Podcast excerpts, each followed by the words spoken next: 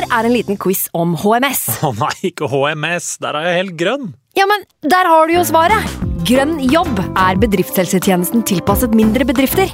Våre HMS-eksperter hjelper mer enn 8000 bedrifter over hele Norge med alt fra lovpålagte HMS-krav til pålegg fra Arbeidstilsynet. Få på plass bedriftshelsetjeneste på grønnjobb.no.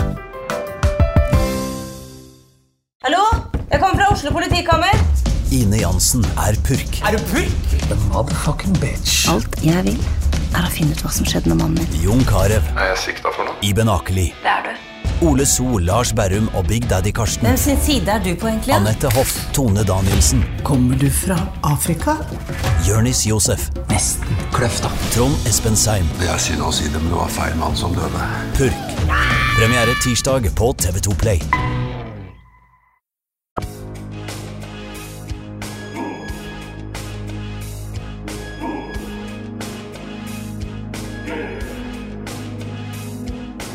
69. Den 69. Den 69.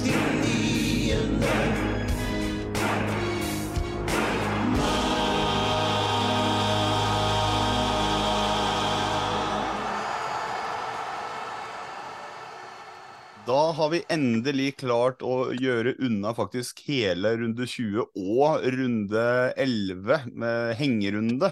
Men uh, før det så er det bare på sin plass å ønske alle lyttere der ute hjertelig velkommen til episode 53 av Den 69. mann, hvor vi skal oppsummere da det som var igjen av noen amputerte runder. Og i dag så har jeg med meg eh, Frank, som eh, ja, kan vi si eh, så vidt rakk dette rett, rett fra jobb.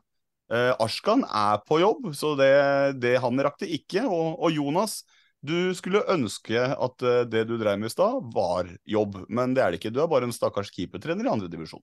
Det, hvis det skal være jobb, så må du um, få litt igjen for det, tenker jeg. Det er ikke så mye å skryte av. Så um, nei. Men ja, jeg var på jobb. Uh, vi møtte uh, Vålerenga 2 i dag, vi. Til bunnkamp i andredivisjon, eller kamp om å overleve, da. Så um, Vålerenga Ja, det er, det er dit det har gått, ja, i år. Ja ja, Vålerenga er båndlag uansett hvor det er igjen, liksom. Det Nei, jeg snakker om Fram Larvik, jeg. Det, fryktelig, fryktelig keeperspill. Det er dårlig keepertrener. han må, Nei da, noen må gå. Noen må gå, men uh, det gikk bra i dag, da. Uh, Vålerenga kom jo med egentlig nesten uh, tilnærma likt lag som de stilte med førstelaget i uh, vårsesongen. De hadde jo både Juklerød og Sjøeng og Kreuzrigler og Kili Olsen, Kjeldsen.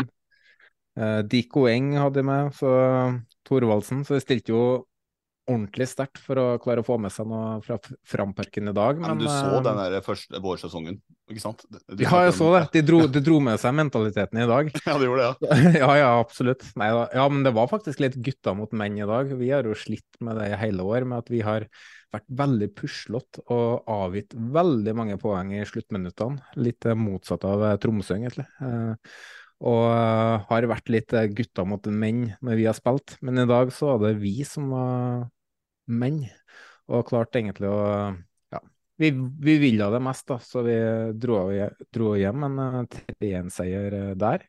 Men uh, lite stikk da, til um, eliteserielagene som har andre lag i seriesystemet, som eh, hvert eneste år skal toppe andrelagene for å berge stumpene.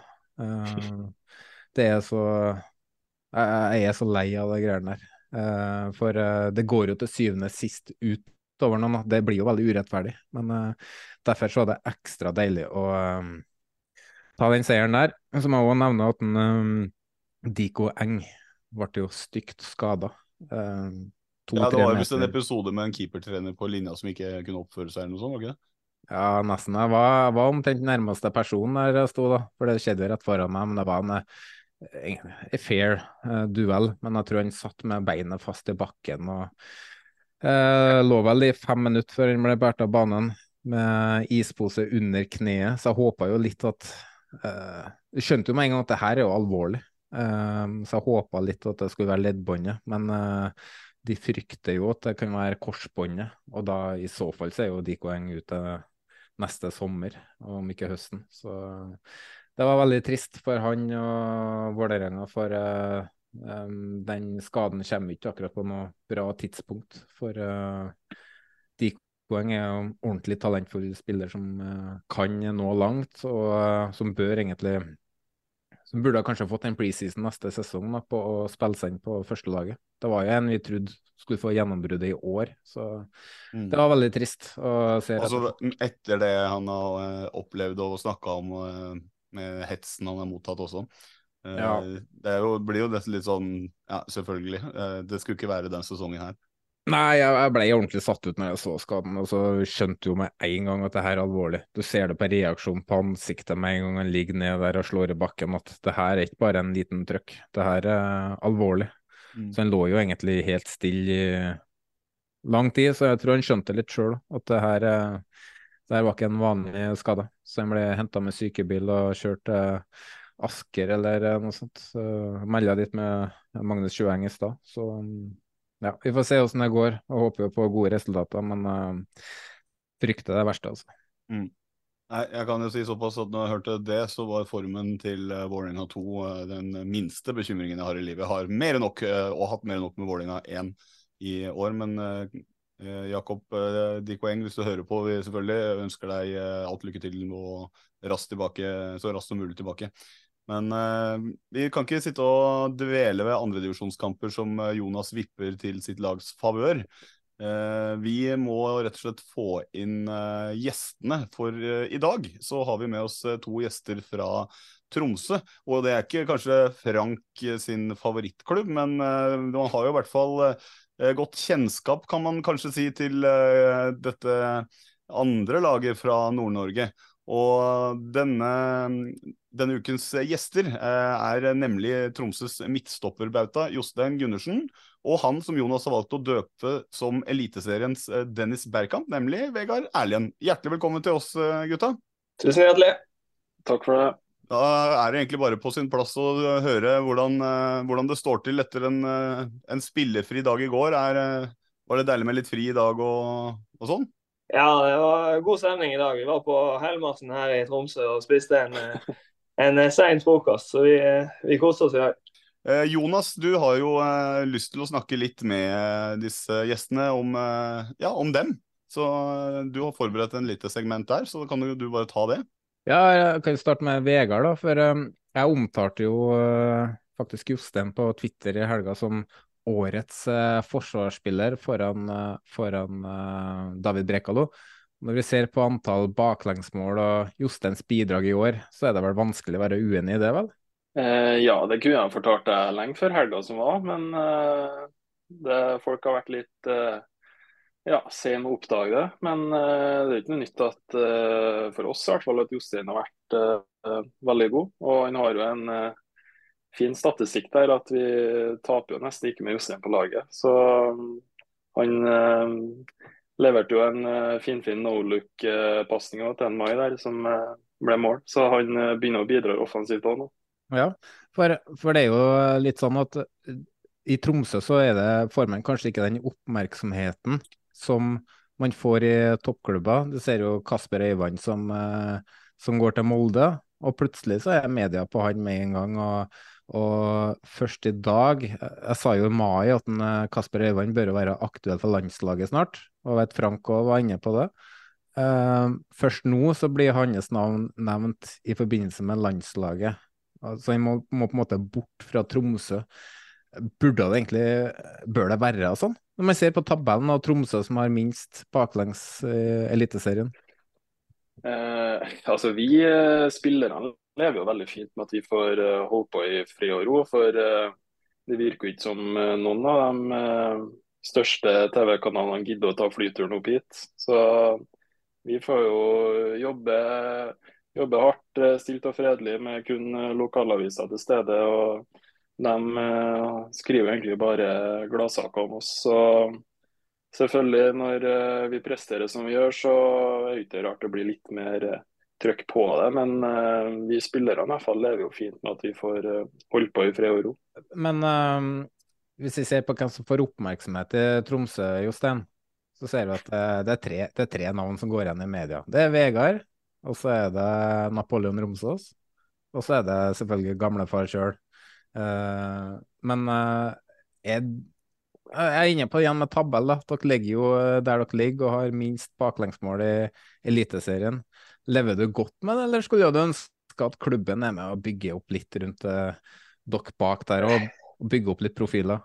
Jeg lever egentlig godt med det. altså. Det, det er ikke sånn at man går får mareritt om kvelden akkurat. Vi, men samtidig så får man jo litt anerkjennelse når man eh, leverer over tid. Jeg føler det har kommet litt i det siste, spesielt. Og så er det jo kanskje mest lokalt man får høre det. Men eh, sånn som det her hjelper jo på å få litt skryt i, i podkaster og sånn. Og så er ikke, er ikke jeg den som tar overskriftene som oftest, men eh, det lever jeg egentlig veldig fint med. Og det er først og fremst et kollektiv som har tatt oss dit vi er i dag.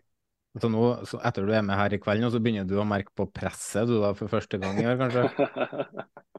Nei da, jeg legger uh, greit med press på meg sjøl, så, så det, det, går nok fint. Ja, ikke sant. Men uh, hva tenker du om framtida for uh, Tromsø og, um, og ja, der dere er nå? men nå, nå, har det begynt å bli litt mer interesse for, for deres spillere. Det ble jo snakka om et bud på Napoleon Romsås i sommer som ble avvist, oppe i 20-millionersklassen. Merker dere litt mer sånn Eh, tilstedeværelse av agenter og speidere nå, eller? Ja, vi gjør jo det. Det har kommet veldig sakte. Men eh, med resultater så merker man at det blir jo mer eh, interesse og mer av alt, egentlig. Så, så, absolutt, ja. Jeg hadde egentlig trodd at det skulle komme enda mer interesse på en del av spillerne våre i sommer. For det, det er ikke bare Romsås som har gjort det bra, bra hittil. Men eh, hvis vi leverer over tid, som vi forhåpentligvis eh, gjør nå, så, så, tror jeg det kommer etter hvert. Det, det, er ofte litt sånn delay på de greiene der, men eh, hvis man leverer over tid, så tror jeg man får eh, som fortjent til slutt. Ja, det er ikke bare Romsås som har levert, for, for, det er litt sånn at hvis en er ute med skade eller karantene og en ny spiller kommer inn, så leverer jo han omtrent på samme nivå. Eh, og du er inne på det kollektive. Eh, hvor mye føler dere at dere presterer litt over evne, sånn som uh, det kollektive er nå, eller eller presterer dere på det dere er gode for? Jeg liker ikke å si at vi presterer over evne. egentlig. Jeg syns vi har mange gode spillere. Det er kanskje litt uh, underkommunisert, uh, syns jeg i hvert fall, hvor, hvor, mye gode spillere vi har. Hvis du ser på startelveren vår og, og, også benken nå mot Stabæk, så er, så er det mye, mye, krutt både på banen og som kan komme inn og endre, endre kampen. Så jeg syns vi har enkeltspillere som er gode, men helt klart et kollektiv som er ja, det vi virkelig Det som skiller oss aller mest ut med. Vegard, det er ikke første gangen en trøndersk spiller drar fra Ranheim til en nordnorsk klubb. Hvorfor har Trom Tromsø bruk for dine ferdigheter og ikke Rosenborg? Nei, Det spørsmålet har jo dukka opp litt i det siste, spesielt etter vi slo dem her på, på stadion. Men Eh, først og fremst så var jeg jo veldig ønska i Tromsø. Eh, og så er det jo en klubb som har fått veldig mye skryt de siste årene for eh, det å hente spillere fra lavere divisjoner og utvikle dem videre. Så fikk jeg jo veldig tydelige signaler fra eh, trenerteamet at her var jeg sterkt ønska, og her var muligheter for både spille til utvikling. Så um, det, var, det begynte egentlig der. og så Eh, ble det jo ganske enkelt valg for meg til slutt å, komme til Tromsø, og det angrer ikke jeg et sekund på. Var det interesse fra Rosenborg i hele tatt? Nei. Jeg hørte eh, fikk høre i ettertid, at uh, navnet mitt var diskutert, men uh, det, var, det var ingenting. Nei. Er ikke litt rart Jostein? at uh, spiller bare like borti fjæra der og ja. gjør det ganske bra i Obos, og så Ja, det er jo rart. Uh, sånn sett. Vi, vi, fikk han gratis, og vi så uh, fra første økt egentlig at det var ikke et røverkjøp, men, men vi, var, vi, var, heldige som fikk han helt gratis til og med. Så det, vi, var, vi, så tidlig at det her er en spiller med mye kvaliteter som passer ekstremt bra inn i måten vi spiller på også. Så jeg, jeg er nå personlig veldig glad for at ikke Rosenborg kom eh, tidlig på banen der. og Jeg tror eh, Vegard også er glad for det nå i ettertid at det ble som det ble. Vegard, du var jo et ubeskrevet blad for mange fotballinteresserte i Norge før denne sesongen her. og Nå har du jo blomstra for alvor på øverste nivå, og det er en alder av 25 år. Er du en late bloomer, eller, eh, eller har du bare dårlige agenter som jobber for deg?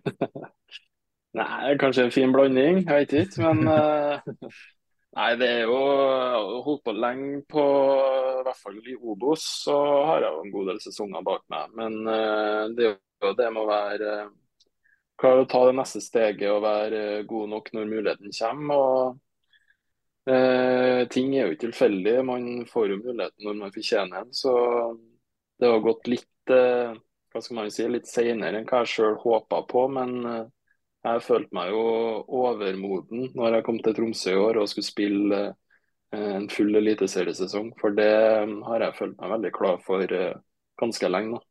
For det er ikke en hemmelighet at eh, det her, den muligheten du har fått nå, kommer jo altfor seint. Altså, når du bare kommer opp på eliteserienivå og tar nivået så fort, da.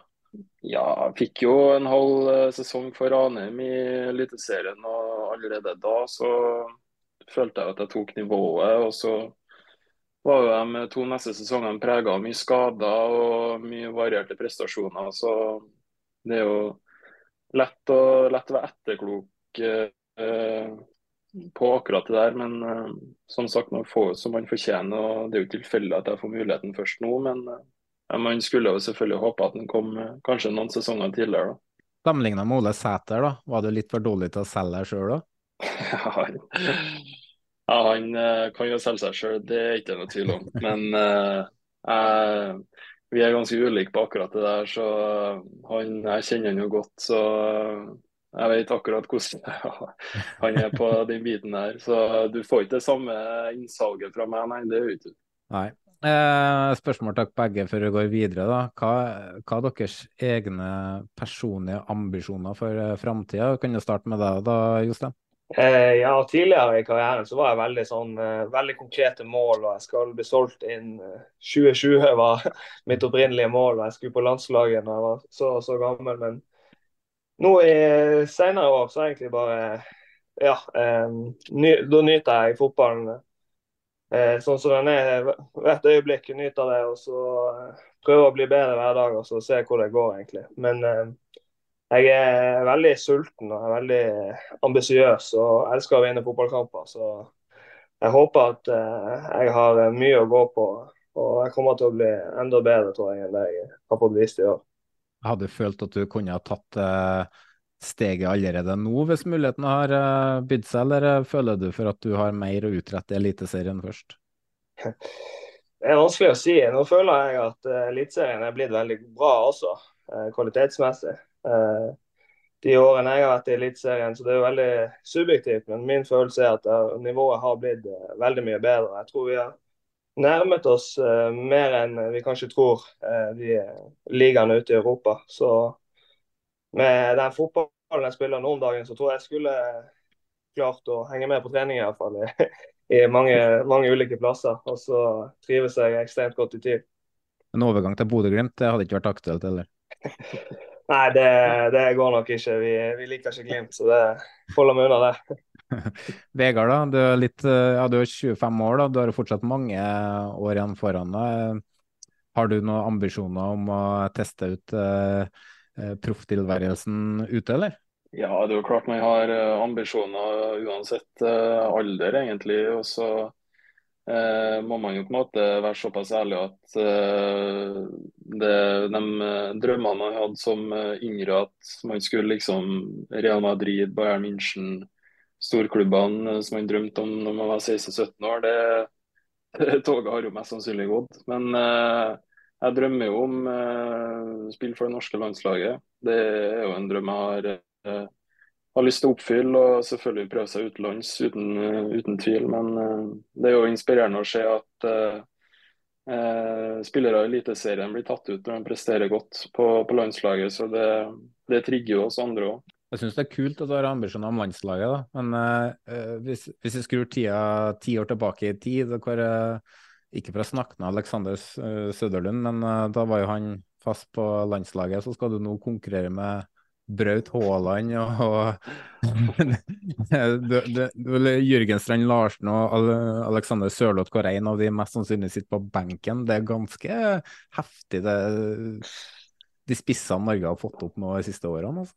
Ja, jeg tror ikke det har vært eh, vanskeligere å spille seg inn som spiss på det norske landslaget noen gang. Men eh, om han så, du ser jo Bård Finne, han fikk jo minutter og en skåring sist samling. og Det at han får det til, det åpner jo bare døra for mange andre i Eliteserien òg. Så det er jo, jeg tror det er mange som blir inspirert over at uh, landslagssjefen ser uh, mye eliteseriekamper.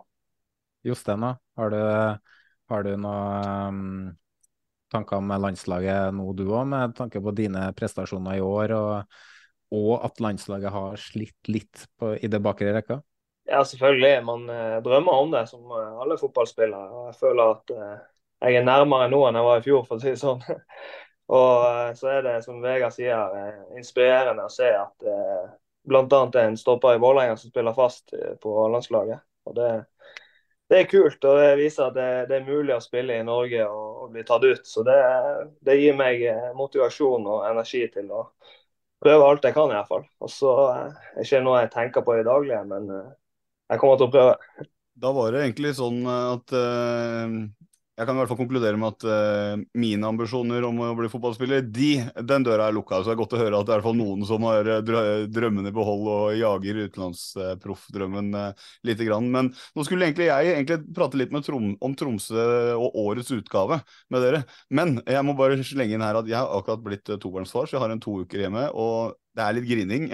Så Jonas, jeg lurer på rett og slett bare for kvaliteten på poddens skyld, om du kanskje bare skal fortsette den gode samtalen hvis det, du er up for the challenge? Ja, hvorfor ikke. Uh, vi kan jo gå over til å snakke om Tromsø 2023, da. Uh, skal starte med deg, Vegard. Hvordan vil du oppsummere Gautes uh, trenerstil, eller lederstil?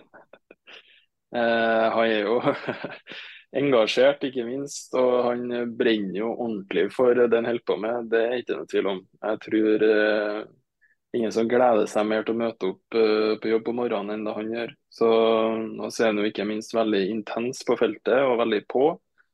Uh, jo, selvfølgelig tydelig, det ser man jo i måten vi spiller på. Så det er jo ikke tilfeldig at uh, spillere som har vært i Tromsø etter han kom, har blitt mye bedre på ganske kort tid. Så det sier jo veldig mye om, om trenerstilen hans. Og selvfølgelig assistentene rundt uh, Gaute er jo veldig dyktig, og de er jo i tillegg uh, samkjørt hele gjengen. Så uh, Gaute skal mye av æren for det. Og så har han jo selvfølgelig et team rundt seg som, som drar egentlig hele klubben i riktig retning. Er Gaute og, og trenerkollegaene hans er de veldig um, utviklingsorienterte? Det er, jo, det er jo alle trenere for så vidt. men er det mye resultatfokus. og Han har jo tidligere uttalt at det beste er å vinne 1-0. Men eh, er det litt sånn i kamp at det er veldig mye resultatfokus og sånn, eller? Nei, antakelig.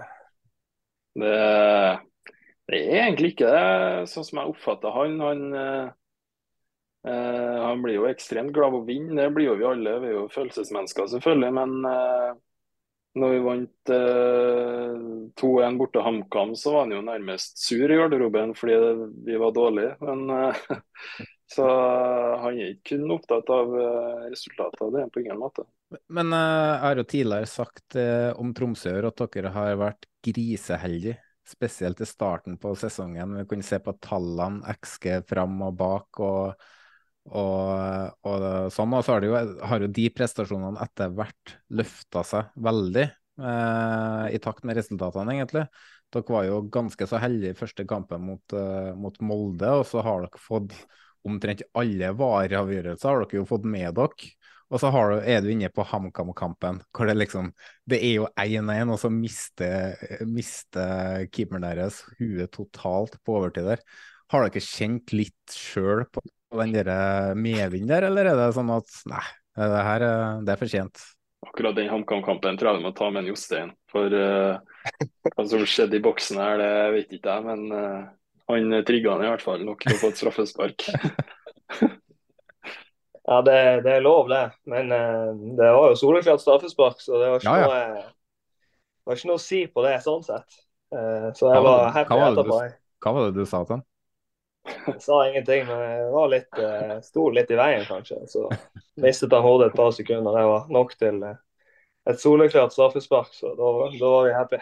Men føler du Jostein, på at dere har hatt uh, veldig mye medvind i år, også spesielt på starten av sesongen? da? Kanskje på starten av sesongen hadde vi ikke det spillet vi ønsket å ha.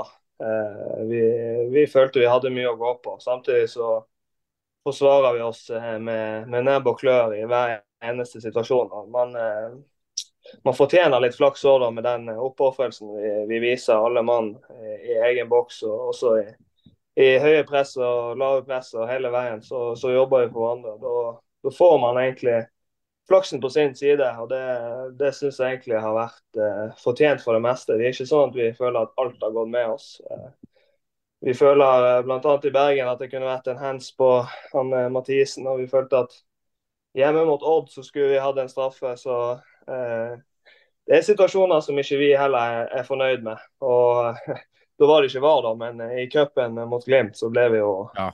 regelrett eh, ranet. Så den, den, eh, den svei veldig. Det kompenserer veldig greit, da. Men uh, det som jeg sier, flaks er en ferdighet, det òg. Uh, men uh, det som jeg sa, det er jo bare på starten på sesongen, for tallene deres utover sesongen har jo vært ganske så bra. Er det, er det lettere å prestere ute på banen når dere har hatt resultatene med dere? Ja, ja, det er det helt klart. Det er mye lettere å gå inn i en ny treningsuke og tenke på hva du må gjøre bedre hvis du har eh, resultatet fra forrige helg. Det er det definitivt. Så vi, vi er jo veldig glad i å snakke om prestasjon og, og, alt sånn, og det gjør vi. Men uh, det er ingenting som hjelper mer enn en trepoenger på selvtillit og troen i en, i en spillergruppe. Så uh, det er alltid mye lettere å bygge videre på på noe som er der, hvis man eh, har resultatene med seg også. Eh, du har vært der noen år nå, Øystein. Dere har tatt enorme steg fra 2022. Supportermiljøet deres har også tatt store steg. Hva er, hva er, snakkisen internt i laget om den enorme støtten som dere har fått fra Forsa Tromsø og resten av Valfheim i år? Ja, Vi merket det jo egentlig helt fra fjor høst egentlig begynte det virkelig å svinge. når vi vi hadde en veldig god høst eh, i fjor, og, og vi hyller det egentlig hver dag. og vi, vi setter eh, stor pris på det. Jeg har vært med i, i, mange år og jeg er ikke vant til den eh, støtten fra, fra publikummet vårt som, som, vi opplever nå. Det, det, gir oss energi, og de, vi gir kanskje de også litt energi med den fotballen vi leverer. Så det blir bare en pakke der som uh, gjør at uh, det er veldig harmoni i og, i og rundt klubben. Det, vi spiller veldig på lag med supporterne våre. og Vi har en veldig god connection med dem. Så det tror jeg er, er ganske spesielt i norsk eh, målestokk. Merker dere at dere blir veldig veldig redd og nervøs når dere ser de der maskerte, skumle supporterne på tribunene? ja, vi ble livredde. Nei, det var jo en, en, en eh, stor diskusjon oppe i Tromsø. Det ble mye medieoppmerksomhet rundt det der. Eh, men det var jo en eh, ikke-sak egentlig etter hvert, sånn som jeg oppfattet det. Det var kanskje folk som var, var, litt fordomsfulle litt for tidlig uten å vite hva som var bak. Det var bare en, en guttegjeng som syntes det var litt kult med masker, og de er, de er, verdens snilleste folk. Så det var ikke noe, noen som ønsket noe bråk eller noe sånt, så vi, uh, vi ønsker dem velkommen. med. Det var bare én journalist som følte for å få ut noen meninger som vanlig. Vi har kjent med de, vi, Vegard. Vi har jo noen i Nidaros og adresser som ofte har motsatt mening enn alle andre. Men um, nok om det. Uh, da, Jostein, dere har mista en del eh, nøkkelspillere etter fjoråret, uh, hvor det var mange som tippa dere på nedre halvdel. Hvorfor tror dere at dere ikke har blitt nevneverdig påvirka av alle salgene og, og forfallene? Eh, først og fremst så beholdt vi jo mye av stammen og det viktige fundamentet vi hadde. Eh, så vi følte jo vi innad i gruppen at det var kanskje litt overkommunisert hvor, hvor, hvor stort tap det var. Det var selvfølgelig veldig gode spillere vi mistet, men eh, vi var ganske trygge på at vi hadde fortsatt et eh, slagkraftig lag å stille opp med. og Vi fikk inn spillere som Vegard bl.a., som gikk rett inn og, og fylte de skoene på, på sin egen måte. Eh, så, så, det har funket godt. Og så er det som du, du, var inne på, at vi fikk en god start på sesongen. og Da har det på en måte bare ballet på seg, og vi har fått mer og mer troen på at det vi gjør er, er godt nok og det, det er bra. og det, det har gjort at vi har blitt bedre og bedre utover hele året, egentlig. Vegard, eh, Ruben Yttergård Jensen har blitt hylla i denne podkasten her i tid og ute. Hvor viktig er han for eh, garderoben? Ruben er veldig viktig for eh, garderoben, og så er han også veldig viktig for det som skjer ute på feltet. Han, du merker jo den rutinen og erfaringa han har, er jo selvfølgelig nøkkel for, for det Tromsø har klart å bygge opp etter han kom til klubben, egentlig. Så du merker at han har vært eh, i mange garderober tidligere og vet eh, på en måte hvordan en eh, kultur skal settes og hvordan en klubb skal drives. Så eh, klarte han selvfølgelig å signere to nye år òg, så det, vi er jo veldig glad for at vi har med Ruben videre. For det, det er en kompetanse veldig få andre i Norge har. Har han egentlig noen gang vært bedre, Jostein? Nei, jeg har fulgt han i, i mange år, og det han har levert nå siste par årene, det har vært eh, ekstremt. Jeg tror eh, Hvis han hadde vært yngre, så hadde han kanskje fått enda mer skryt. og Da hadde det kanskje vært snakk om eh, både landslag og, og andre ting. Så han er ekstremt viktig i måten vi spiller på. En som krever mye av de rundt seg. og ånder og lever og tenker fotball eh, 24-7. Han og Gaute er veldig tett, så, så vi, vi setter stor pris på han. Og, og det er kult å se at du kan eh, være 35 år og bare bli bedre og bedre. Litt bedre nå enn i Brann, ja. Eh, et spørsmål til dere begge to. Kan snart starte med deg, Vegard. Blir det medalje på guttene i år? Ikke, ikke, lov, ikke, lov til, ikke lov til å svare at det ikke snakkes om Vi har jo snakket om det i hele år, så vi kan ikke begynne når det er sju kamper igjen. Det blir faktisk for dumt. Så vi svarer i kjent stil at uh, det unngår vi, og så har vi fokus på treninga i morgen om å bli bedre hver dag. Så um, vi kan ikke begynne med det pratet her når det er sju kamper igjen. Det, det blir nesten for dumt. Faen, Snorre, jeg visste at jeg skulle spurt Napoleon Romsås om han ville være med. ja, ikke sant? Ja. Men eh, vi får se, da. eh, om det, dere har det rett i å holde fokus på det dere driver med. Det kan godt hende at vi eh, får uh, gratulere dere med medalje da, men vi får vente litt da, og se, se i sju kamper til. Men eh, vi må superkjapt, før vi skal gå inn eh, på, ja, kall det denne hengerunden da, som eh, vi akkurat var igjennom, så eh, må vi ta en titt på det som har skjedd i eh, cupen. For det har blitt spilt eh, to semifinaler i eh, midtuka, og det er nå klart. Vi får en eh, reprise av eh, oppgjøret ikke i tidligere i år, som var cupfinalen i fjor, men cupfinalen i fjor, som var cupfinalen i året før der igjen, egentlig. Eh, Så eh, det blir Bodø-Glimt og Molde som nok en gang møtes. Og vi kan egentlig bare starte eh, med å se på eh, Kjelsås-Molde-kampen superkjapt. Og eh, Frank, det er kanskje på tide å få deg inn her også. så eh, ble du skremt av Moldes eh, opptreden eh, før den avgjørende cupfinalen og det du så på kunstgresset på Grefsen stadion?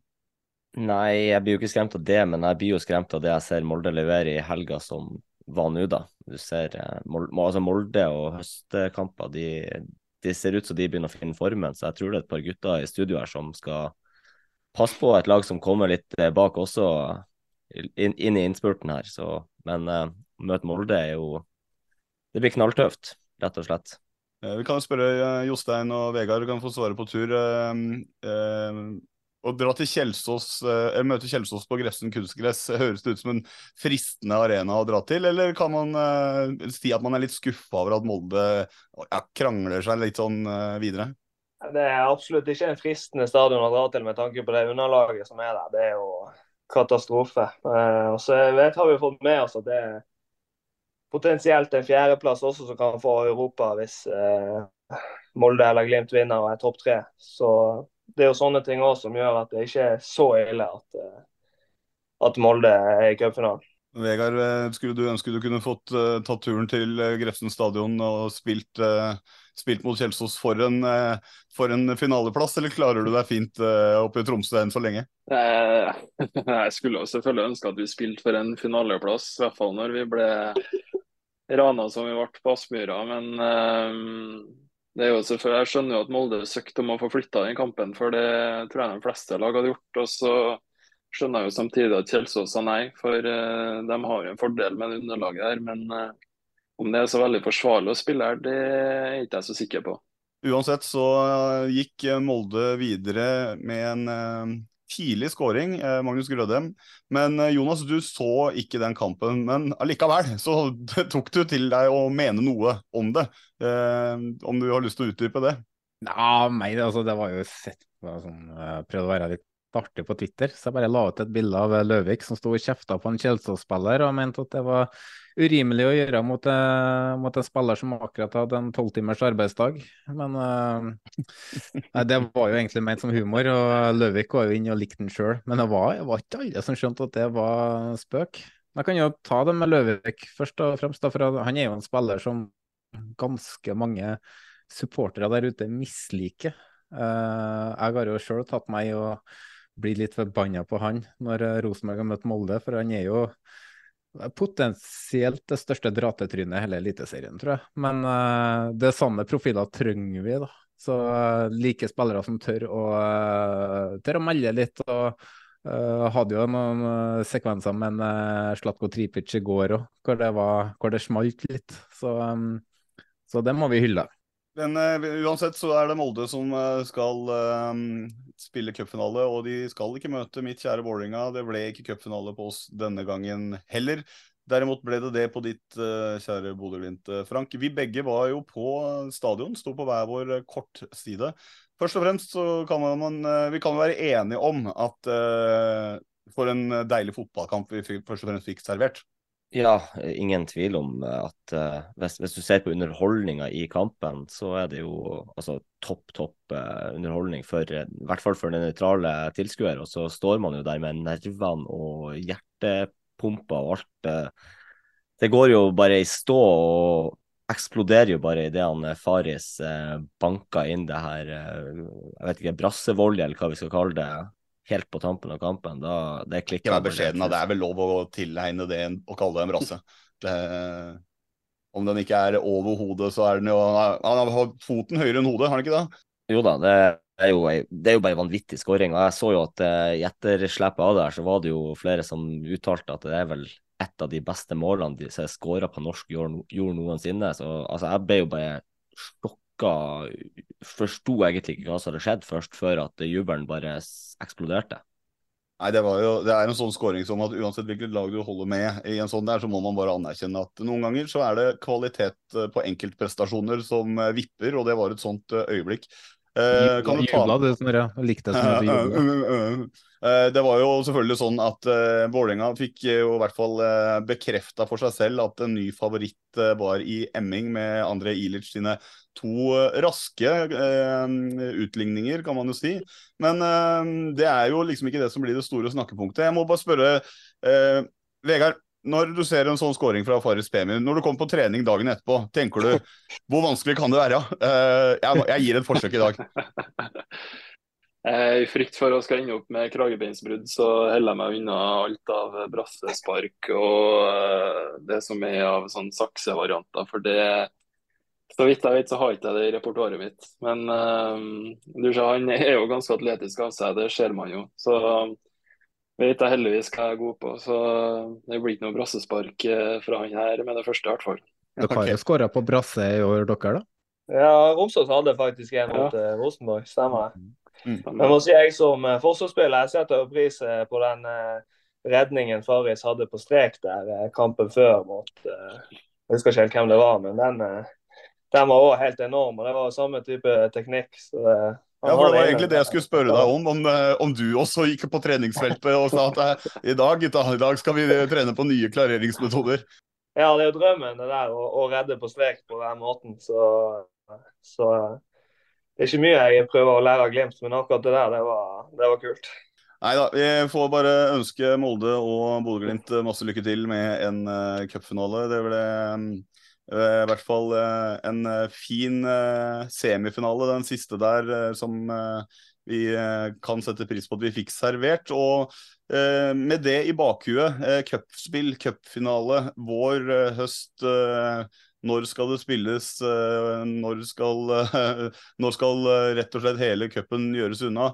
Det har jo vært diskutert en stund. Vi har jo hatt eh, innom det en gang tidligere i podden, så vidt det var, med at vi nevnte at eh, Hangeland-utvalget de eh, så på flere forslag, eh, hvor vi så vidt eh, var innom det. Nå har Hangeland-utvalget kommet med et ferdig utarbeidet forslag til hvordan cupen og da også cupfinalen når den skal spilles.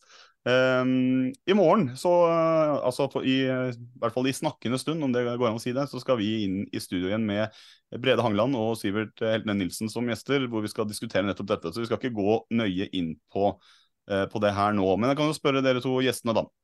Uh, hva tenker dere med uh, dette med Hangeland-utvalget? Når skal cupfinalen spilles? Er det positivt til nye, nye eh, forslag om, om cupen, eller vil dere ha den som den er? Vi kan starte med deg, Jostein.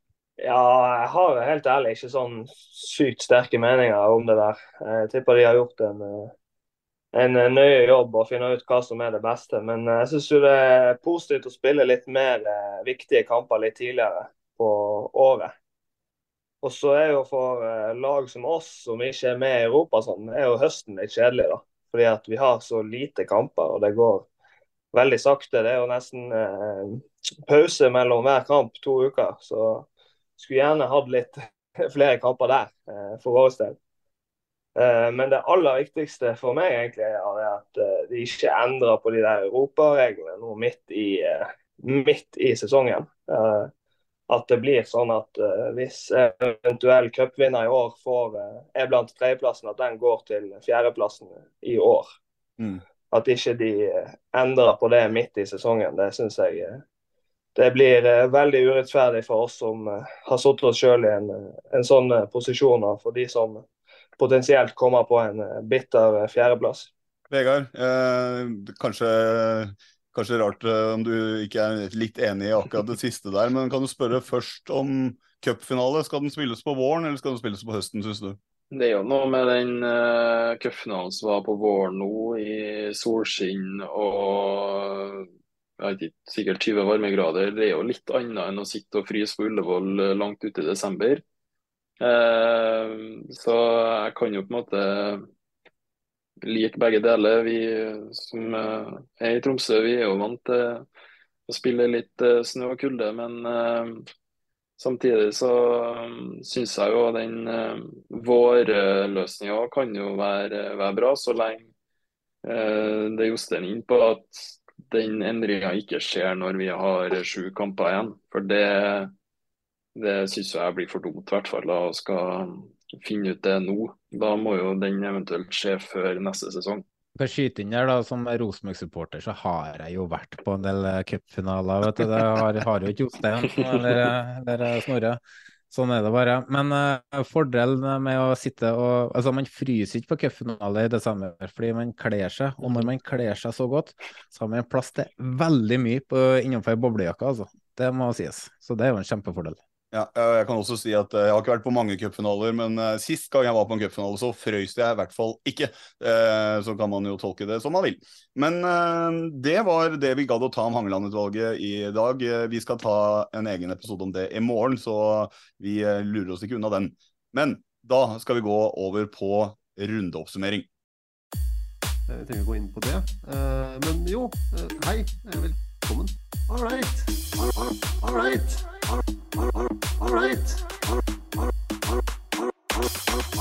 All right. For det har selvfølgelig blitt spilt uh, enda mer eliteseriefotball, og uh, vi skal snakke om den runden som var, men det var jo egentlig ikke den runden som var, for det er jo egentlig bare etterslep fra andre ting, så det ble en slags oppsamlingsheat, om vi kan kalle det det. Uh, men vi, vi, kan jo egentlig bare like gjerne starte med den kampen som uh, ja, jeg i hvert fall føler at gjestene burde ha relativt god uh, peiling på hvordan utspilte seg. Vi kan dra til uh, Nadderud og deres relativt ferske kunstgress der, for der tok Stabæk imot Tromsø. det endte i ja, en 0-1-seier. Og du var jo inne på det med no look-pasninga til Mai Traoré der, Vegard, til Jostein der. men kan du starte med, Har du noen andre tanker om, om den kampen dere spilte der mot Stabæk? Ja, vi kunne jo fort ha ledet etter eh, to og et halvt sekund og da hadde jo kampen sett helt annerledes ut. Så, eh, men det blir jo en, eh, ja, en litt rotete kamp eh, for vår del. og Vi får ikke helt det spillet vi ønsker, og får ikke det trykket på Stabæk som vi, eh, som vi har gjort bra siste, siste kamper nå. så det er jo ikke bedre enn at vi må være 100% og vi må være på stasjon når eh, dommeren blåser i fløyta.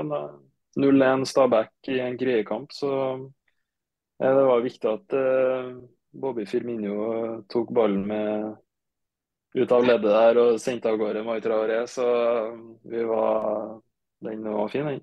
Både Du og jeg Jonas, vi satt jo og så på det, og vi begge var jo overbevist om, eller ikke overbevist om, men fikk en sånn følelse om at oi, det der var vel uh, offside, eller her skal vel VAR inn. Men uh, så får du se det, og så er det egentlig bare resultatet av en perfekt pasning og et perfekt tima løp.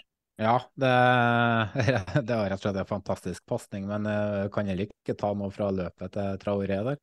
Og utførelser før skåringa. Men uh, Vegard, du så jo kampen fra sidelinja til å begynne med. Hvordan, hvordan var det å komme inn i kampen her? Ja, den kampen starta faktisk. Å, herregud, du, du, ble bytta ut, du? Det var sånn det var? Jeg ble bytta ut, ja. Det starta for en gangs skyld, så ja.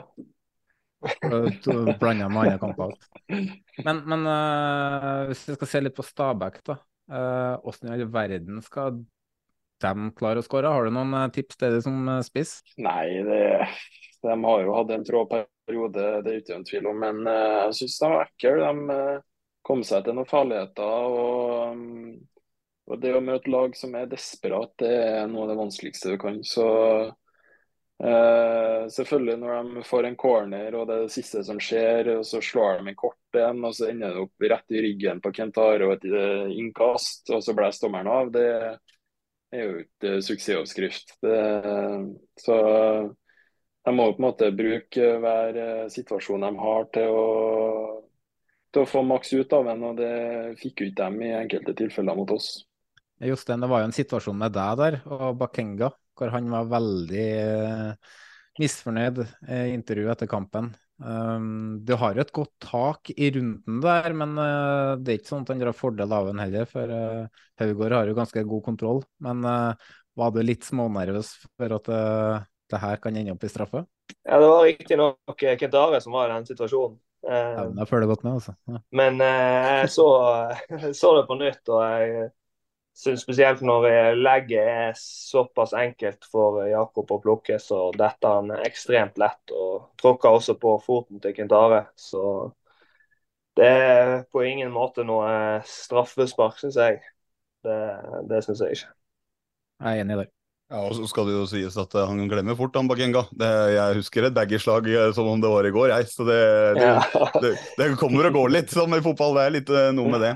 Men man kan jo si, da, på, hvis man skal være nøytral, det, brenner jo ordentlig på dass for Stabæk nå. Det har jo ikke gitt den store effekten. Jeg kan jo, kan jo spørre, spørre, deg, Frank, hva skal, hva skal de gjøre nå?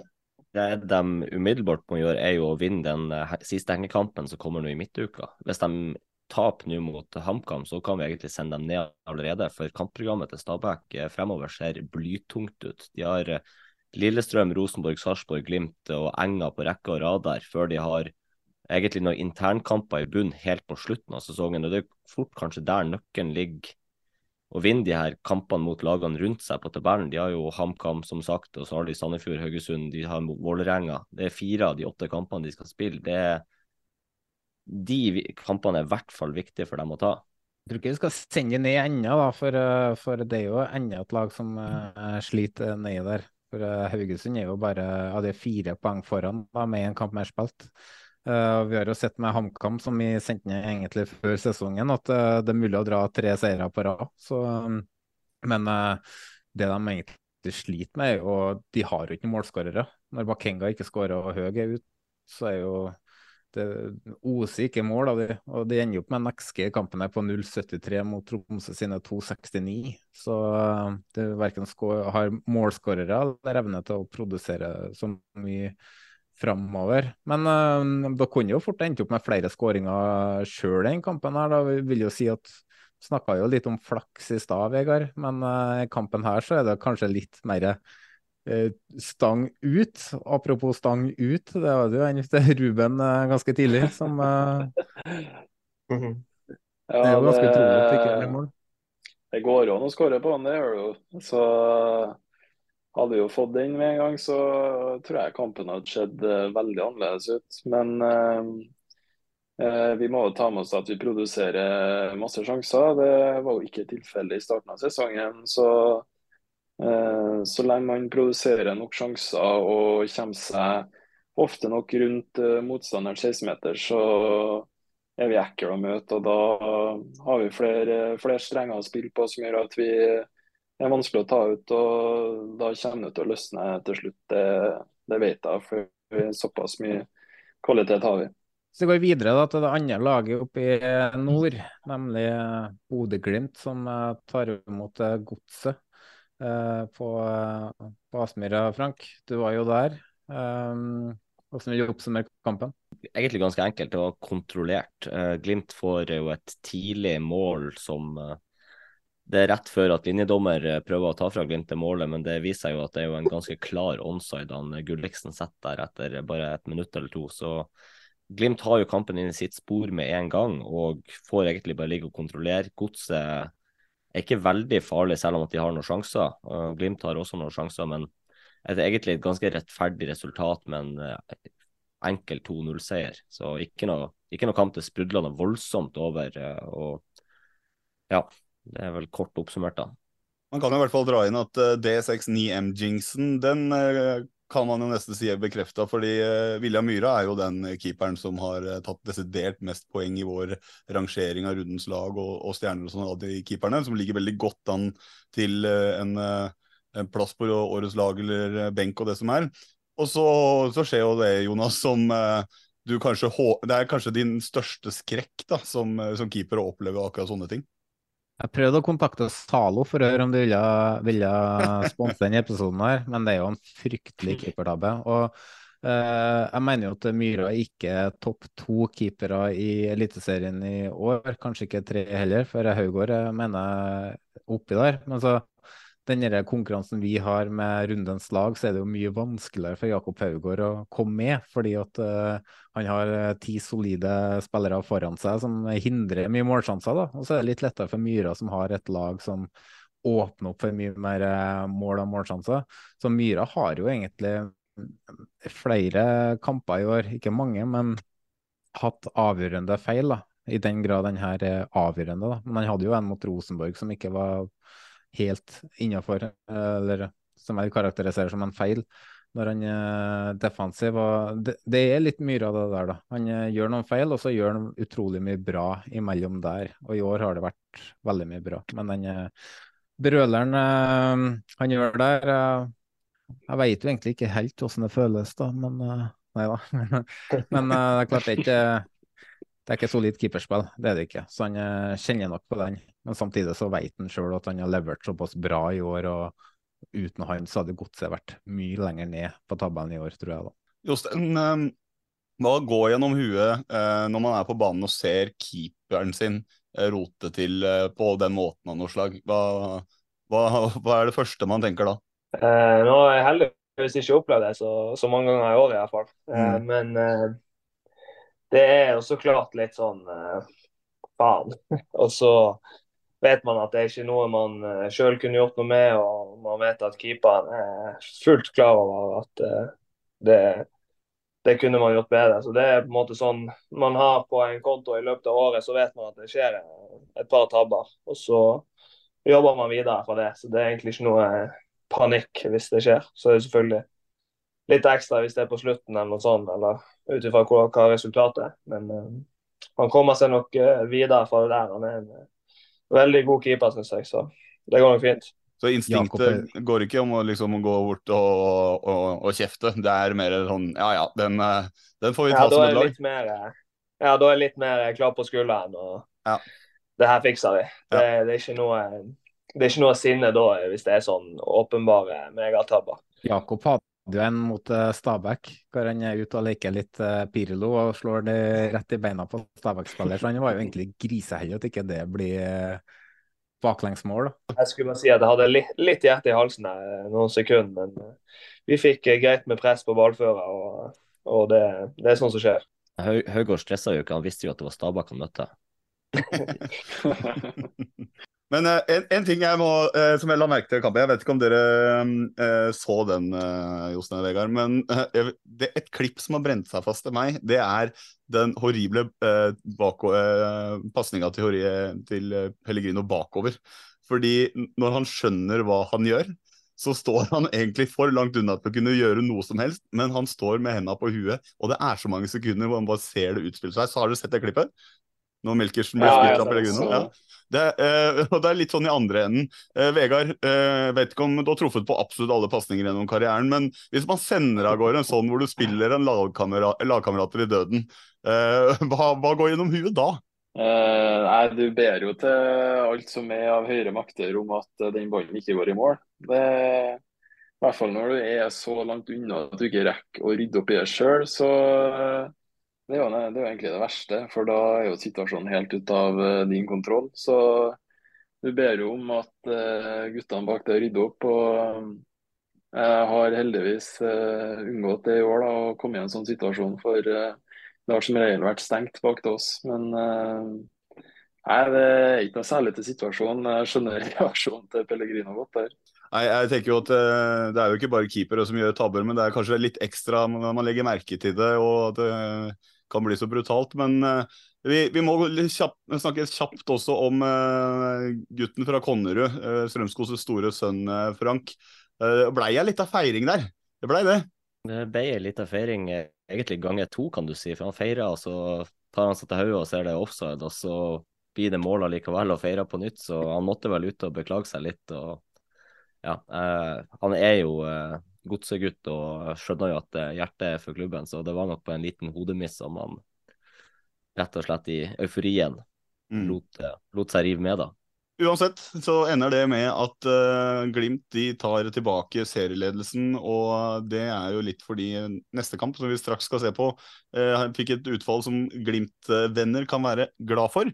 Men uh, vi må også ta med da at Pellegrino drar på seg et, et gult kort der som gjør at han må stå over det neste oppgjøret mot nettopp Molde. Og å dra til Molde om dagen, det har ikke vist seg å være så lett. For dit kom daværende serieleder Viking.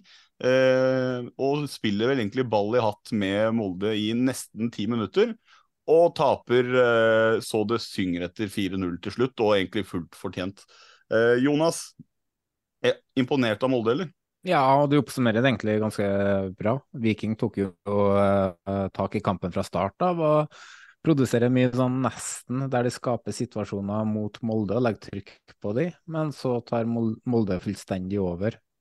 Uh, Molde spiller jo en ganske effektiv fotball når de møter uh, den type lag som angriper. da. De har jo mye kontringsstyrke, og så har de Wolf Eikrem oppi der som er veldig, ja, som, som, virkelig har begynt å ta tak i kampene igjen. Da. Det er litt som å se uh, den spilleren han var tidligere. Han har jo sine topper i år òg, men nå så kommer de hyppigere og hyppigere. da. Men det er klart at Molde kjører over Viking de siste 80 her. og Viking hadde enorme problemer på sin uh, høyreback. Det var Dølan Le som spilte Bjørsvold ut med skader. Og, så litt enkelt å legge bare skylda på Dølan Lee, for de sleit jo egentlig med å dekke opp på midten og, og kom kom ofte i over, undertall ut på høyresida. Så Haugen kjørte jo Og så Brekalo også går ut med skade. Det hjelper ja, jo ikke det. Han, han, gikk jo egentlig ut når kampen var så å si tapt. da. Altså Brekalo er jo ganske involvert òg der. Uh, uh, hadde en svak svake opptredener mot Sandefjord sist runde nå. Uh, gjør det samme nå på starten. Fomler veldig på andre skåringer. og så er det noen som sier at han har vært skada i de to kampene? At han har spilt med samme skade som han tok med seg fra landslagsuka? Ja, Jostein, når uh, du, ser, uh, du, ser, Viking får såpass juling, uh, hvordan tenker dere at dere skal unngå å få en like stor smekk av Molde og ende opp som slakt der? Ja, Vi vet jo at det blir eh, meget tøft. Vi var jo sjøl i fjor og fikk eh, juling. Vi følte at vi i banespillet er, er OK, men så straffer de oss sinnssykt hardt når de først eh, kommer. Så, eh, men jeg håper og tror at vi har lært litt. At vi må, vi må være nøye på kontradekning. og ikke la de ha for store rom å løpe i. Og så er det litt eh, motsatt av Glimt, der du egentlig under en hel kamp føler jeg ofte litt kvelt, for de har så mye ball. Så kan eh, du føle mot Molde at du nesten er best, men så med en gang de får ballen, så straffer de deg så sinnssykt hardt, som jeg sa. Og, så vi må virkelig eh, være gode hvis vi skal få med oss noe der. Det, det er helt åpenbart. Vegard, når eh, Molde-toget virkelig har fått opp dampen. Eh, Viking har jo hatt en eh, helt uh, latterlig god rekke. Hvem av de to frykter du skal snyte dere for en ja, nå snakker ikke dere om medalje, men for en god plassering, da, om vi kan si det litt sånn fint? da? det er jo vanskelig å si, men jeg tror Molde egentlig har det høyeste toppnivået av lagene i Norge når det skjer, eh, i hvert fall når Eikrem er i storslag som han var i går. For da er det få som er bedre i Norge.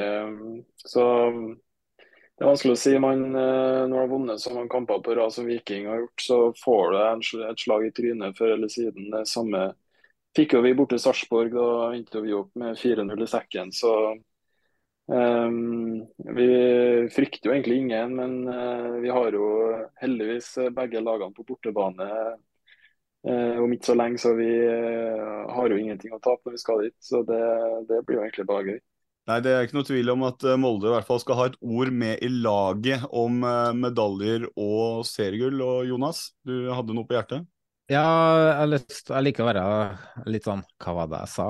Når jeg tar de få gangene jeg har rett. Det tror jeg lytterne våre vet, Jonas. Det, det, ja, det tror jeg lytterne våre vet. Vet men Så er ikke sikkert jeg har rett heller, da. Men, men jeg sa det når, i Deadline Day-sendinga vi hadde med Nevland, at jeg tror ikke at de nye spillerne som Viking henter nå, går rett inn i elveren. For jeg tror kollektivet til Viking eh, er så sterkt at de bør stå i det. Eh, nå så har Joe Bell kommet inn og tatt plassen til Harald Nilsen Tangen som indreløper.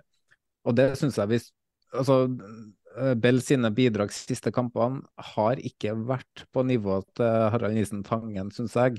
Jeg syns han eh, har bidrar bidratt mye mer med sine ferdigheter. At det blir, midtbanen blir mye mer komplementær da, når han spiller. Uh, og Bell er mye mer som skal ha ball i beina og styre litt. og egentlig, Han er egentlig ikke en indreløper i min bok, han er en sekser og en framtidig erstatter når Markus Solbakken blir, blir solgt.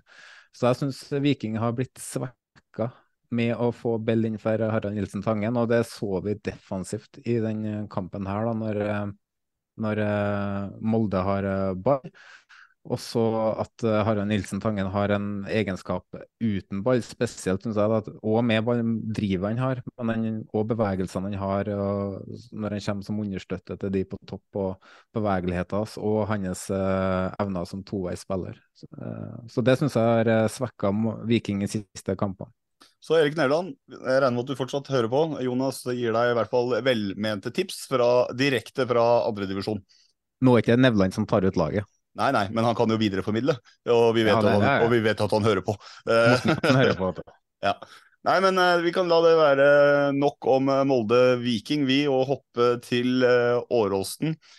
fordi der ja, kan vi jo si da at det ble jo omdiskuterte avgjørelser. Vi kan jo først starte med at Brann tar en kruttsterk borteseier. og og holder nullen, vinner 2-0 eller 0-2 om man skal være fin på det. Men det er jo dette straffesparket eh, mellom de to tidligere lagkameratene Ulrik Mathisen og eh, Hedstad Christiansen som eh, ja, eh, det, det, er jo en merkelig situasjon, det kan man kanskje alle være enig i. Men eh, det er jo også en slags jeg vil kalle det en bipolar straffe. fordi dæven, enten så var det straffe, eller så var det det dummeste straffesparket noen gang idømt, hvis man skulle tro de som diskuterte. Eh, og da vil jeg egentlig gå rett til dere, kjære gjester. Jeg kan starte med deg, Jostein. Er det straffe for deg, eller er det, er det et angrep på keeper? Nei, altså jeg var enda mer bastant eh, helt først. Men jeg står enda på det at det er ikke straffe. fordi at da kan du i teorien bare tuppe vekk ballen og så ende opp i keeper, og så får du du skyter vekk, kommer alene med keeper, og så skyter han utover sidelinjen. Og så, og så krasjer du med keeper, så får du straffe. Så eh, når man ser det touchet han har, eh, ballen går bakover, så er det egentlig mer svak prestasjon av Mathisen enn av, av keeperen. Og jeg syns det, det er billig. Er det, er det da en play on, eller er det angrep på frispark til Helstad Christiansen, Vegard? Eller er det straffe? Det kan jo du ha lov å si det òg, om du mener det. Jeg, jeg syns det er vanskelig. Jeg så han jo først live eh, i garderoben rett etter vi trente, og så så jeg han jo i går kveld. og Han får jo et såpass Han knoter jo så til at ballen havner jo bak en at uh, det blir jo på en måte Skåringssjansen til han forsvinner jo, om det har vært noe annet hvis ballen har gått til sida. Men uh, han uh, LSK-keeperen hopper Det ser veldig voldsomt ut når han feller den. Uh, så jeg syns jo den er vanskelig, men eh, eh, jeg syns egentlig ikke det er straffe. Men eh, jeg setter jo pris på den samtalen de to har i pausepraten. Det, det var jo artig. Da tror jeg uh, Arilas koste seg i, i mix-zone der. Og, og, nei, men Jonas, eh, du mener jo at det var straffe? Nei, vet du hva, jeg har sett eh, Der og da så mente jeg at jeg syns det er straffe, fordi at eh, det er noen som mener at han tråkker på Hedenstad, men Hedenstad er jo veldig eh, rå sjøl når han kommer ut den duellen der. Og så mente jeg at det, det er jo straffe fordi at Mathisen kan jo snu seg og ta ballen. Men eh, jo mer jeg ser på den situasjonen, jo mer usikker jeg er. Så jeg, jeg har ikke noe formening om det er straffe eller ikke. Og derfor tenker jeg, hva burde dommeren da- ha dømt? For uh, ja, jeg har sikkert sett den 50 ganger, og jeg klarer ikke å bli enig med meg sjøl om det er straffe eller ikke. Så um, utrolig vanskelig uh, situasjon. Da har du også fått oppleve at du kan være en kverulant, da, som du krangler med deg sjøl. Frank, du, eh, du var klar på at det ikke var straffe, men eh, hvor imponert er du over det Brann ellers viser eh, av det du har fått med deg der? Eh, Ja, jeg var veldig klar på det at jeg mente at den straffa der var billig. Eh, Jeg syns jo det at han trør på ball og springer ifra den, og dermed er det Han er ikke en del av situasjonen lenger. Så blir det en kollisjon, og så Ja. eh, For meg er det play on, egentlig. Eh, Brann nå eh, Brann er bra nå. Det er knalltøft å se på en liga der du har fem så gode lag oppe i toppen som skal kjempe om tre medaljer. og ja, det, det, det er rett og slett dritartig å snakke om en liga sånn som vi gjør. og Nå er ikke jeg nøytral i det hele, men det at vi har fem lag som er der oppe og gir oss så mye underholdning og spenning nå, forhåpentligvis helt inn også, det syns jeg er dritskøy. Så Brann de blir skumle i høst. Og, eh, tenker dere, Har dere noen tanker om uh, Brann og, og hvordan de så ut som om de fikk en dupp der? Jeg kan ta og spørre deg, Jostein. Uh, hvordan de ser ut nå? Uh, er det grunn for de som skal møte Brann å være litt ekstra bekymra for det de viser om dagen? Ja, absolutt. Jeg syns de spiller en uh, veldig kul fotball. Uh, og de, vi fikk kjenne på det sjøl at uh, det høye presset deres er ekstremt bra. Og så har de en sånn kjappe kombinasjoner inn i motsatt boks og, og veldig mye løpskraft. Så de er, de er ekle når de får det til å rulle. Og jeg tror de kommer til å ta enda mer poeng enn de har gjort hittil. De, de er virkelig flyten, og, og det hjelper også på. Så tror ender på førsteplass, men eh, de kommer nok til å slå godt ifra seg. Ja. Vi eh, kan jo egentlig bare straks hoppe videre, men vi kan jo nevne at eh, det har jo ikke blitt den helt store høsten for LSK. Det er litt høye topper, dype daler. og eh, Vegard, har du noen tips til LSK hvordan de skal angripe den siste innspurten av sesongen, nå som det er liksom medaljetoget har, har gått, og kanskje, og det blir ikke nedrykk heller, liksom?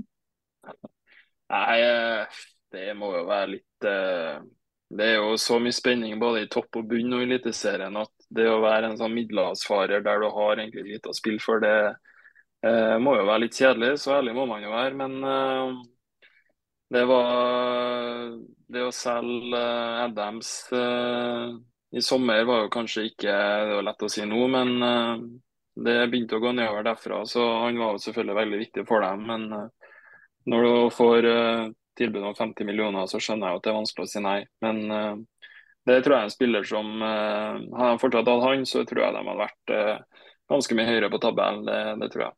Og det hjelper kanskje ikke for eh, Lillestrøm eh, at eh, når de først har fått eh, ser ut som har fått Lene tilbake i, eh, i skåringsform, og så kan ikke han være med i en sånn stor kamp heller. Men eh, uansett, eh, vi hopper videre til eh, denne rundeoppsummeringens siste kamp.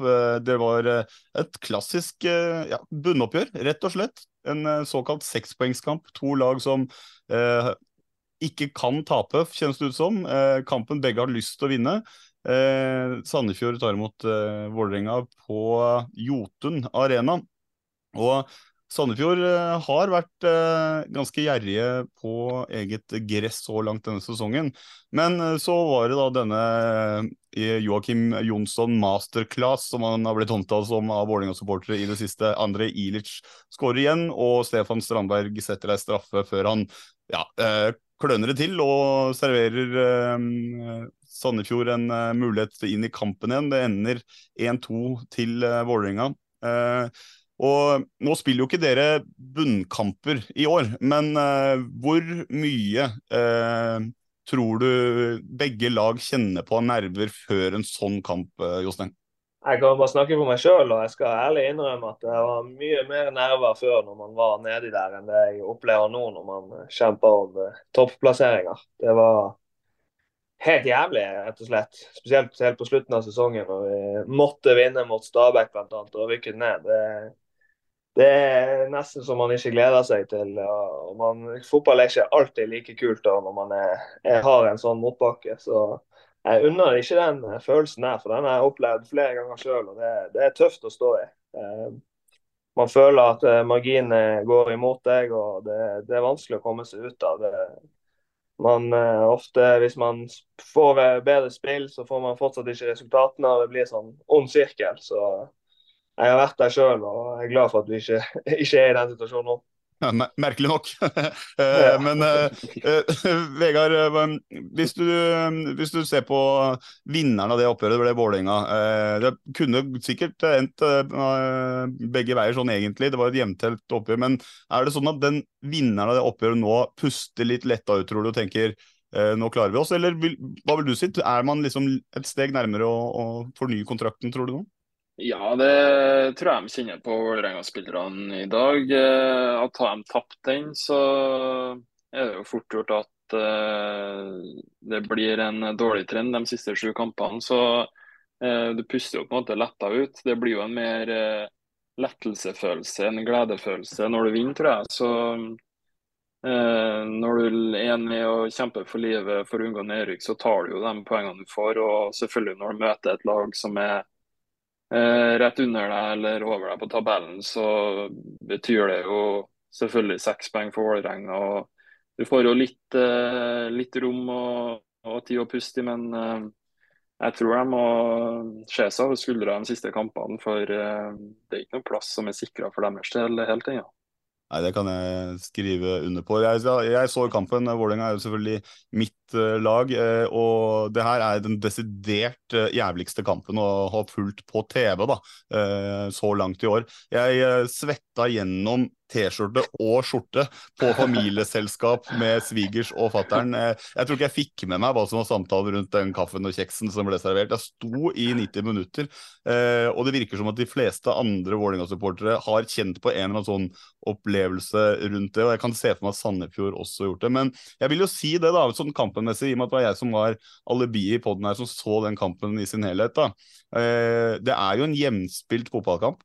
Det er to lag som du ser eh, også har slitt eh, i deler av sesongen. For det er jo ikke de to beste lagene som møtes, det er en del individuelle feil. Og eh, det er jo bl.a. det som skaper spenning også med at Stefan Strandberg gir bort en, en ball. Og det er jo Litt sånne ting begge veier, men uh, Vålerenga klarer å få kampen litt inn i sitt bilde. Ting som Jonas, du har snakka om det, om at det passer ikke Sandefjord like bra å skal angripe etablerte og eh, folk som legger seg lavt. De liker å kunne finne, finne rommet, bakrommet, komme hurtig med kantspillere som Alseid og eh, Nyen Tue på topp der, og så vise seg i det siste å være god i den fasen av spillet. da, men De finner ikke helt ut av det, men allikevel så har de jo noen gode muligheter. som Det kunne blitt 2-2, det kunne blitt eh, eh kanskje 2-1 andre veien. Det er marginalt, da, men Eh, selvfølgelig er jeg veldig glad for at eh, man tar med seg de poengene, men eh, ja, eh, Sandefjord er kanskje litt mer stressa nå, Jonas? Ja, det tror jeg, for det ligger jo likt med Haugesund, eh, som har kvalikplassen nå. Og Haugesund på neste kamper nå har jo både Godset og Ålesund hjemme, i tillegg til at de har eh, HamKam eh, borte. Så har eh, Sandefjord eh, har jo da HamKam hjemme, men så skal de da møte både Bodø-Glimt og Brann. Eh, Så om tre kamper så kan det hende at Haugesund har passert Sandefjord på tabellen. Men så eh, skal jo da Sandefjord møte Ålesund borte igjen. Så det, det er ganske tight i bånn her nå. Jeg er veldig spent på uh, Haugesund som ikke spiller rundene her, da. Uh, på hvordan de nå responderer med ny trener og har fått uh, nesten 14 dager med en god treningshverdag bak seg. Om vi kan se et annet Haugesund framover nå som kan begynne å plukke poeng. Da tror jeg Sandefjord kan bli litt stressa for at de ja, kommer i en situasjon der de må eh, ta poeng. Og eh, vet jo ikke hvordan de håndterer det, men de har jo vært meget bra så langt i sesongen, eh, til tross for at de ligger helt nede der, da.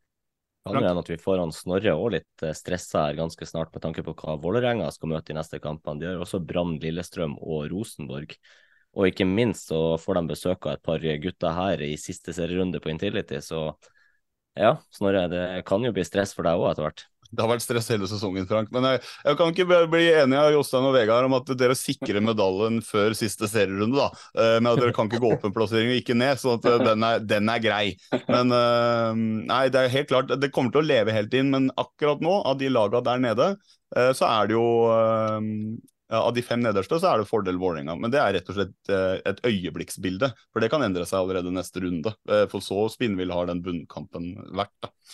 Eh, Men jeg tror egentlig vi kan hoppe til rundens liksom plusser og minuser og, lag og litt sånn, ja, men kjøre en liten jingle først.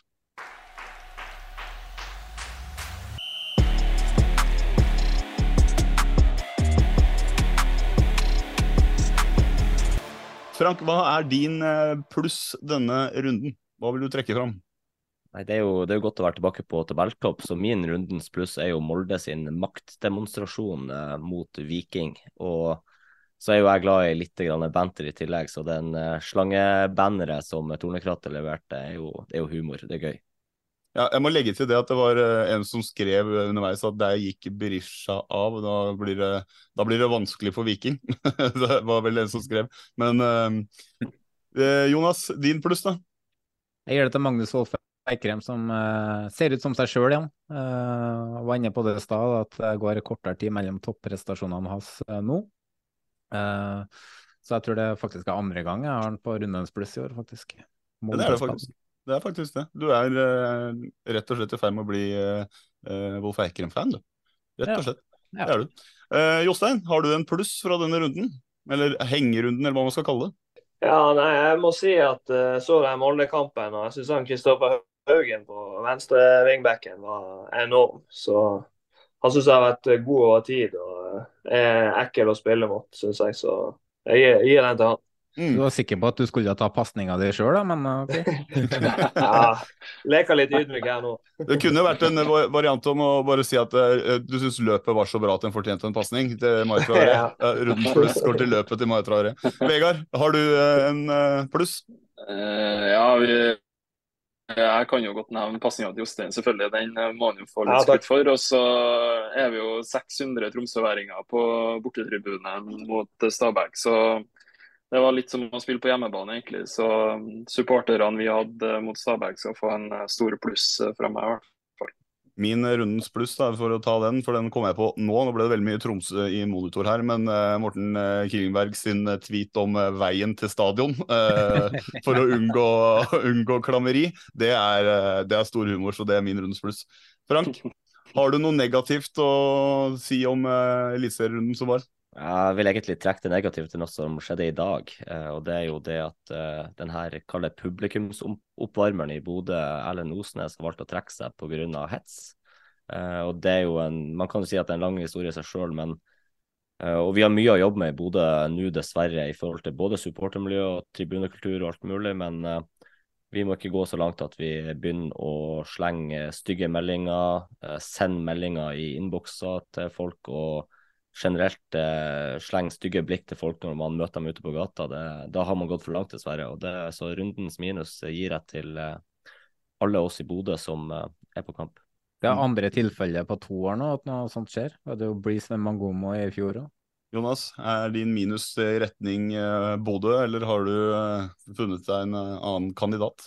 Ja, jeg har òg vært inne på det, da. Jeg bruker dem jo opp tidlig i episodene. Men det er jo andre lag i seriesystemet. Vålerenga 2 som forsterker enormt uh, mot slutten av sesongen for å ja, mobilisere for å overleve da, med andrelaget. Uh, slike ting uh, fører til skjevhet, og det er ordentlig urettferdig for de lagene som blir påvirka og ikke påvirka. At det er noen som drar fordeler ut av det. Men den diskusjonen får vi ta i en ja, annen episode.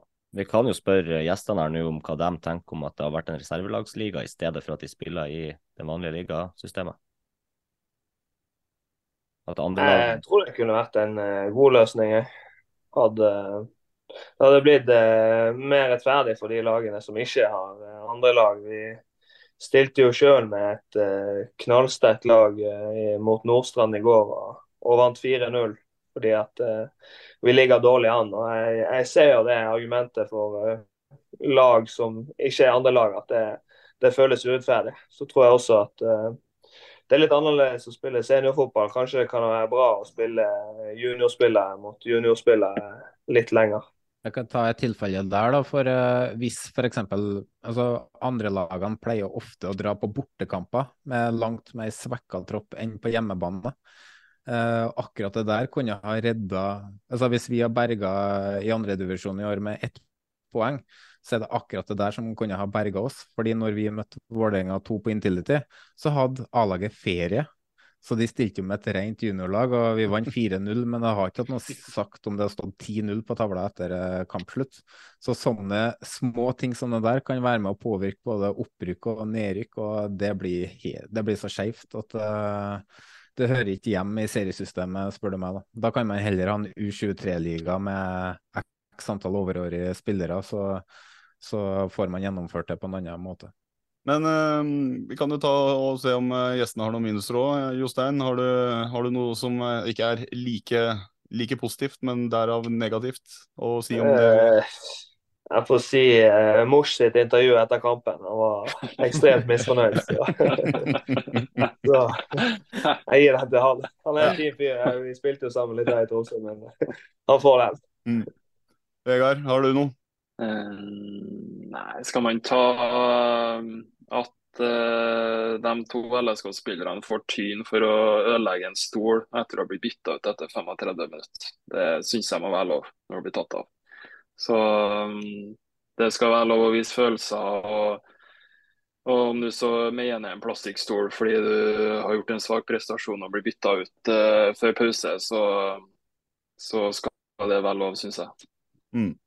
Jeg hadde jo ikke forberedt noen plusser og minuser, egentlig, så jeg tror egentlig bare eh, Jeg kom ikke på noe negativt. Jeg syns det er så mye bra. Eller jeg kan gi minusen min eh, er til Jonas, som sier har du noe minus om eliteserierunden, og så drar jeg fram noe om uh, andredivisjon. Så da går den til deg, da, Jonas. Men eh, eh, Frank eh, Nei, Jonas, det er du som har rundens lag denne gangen.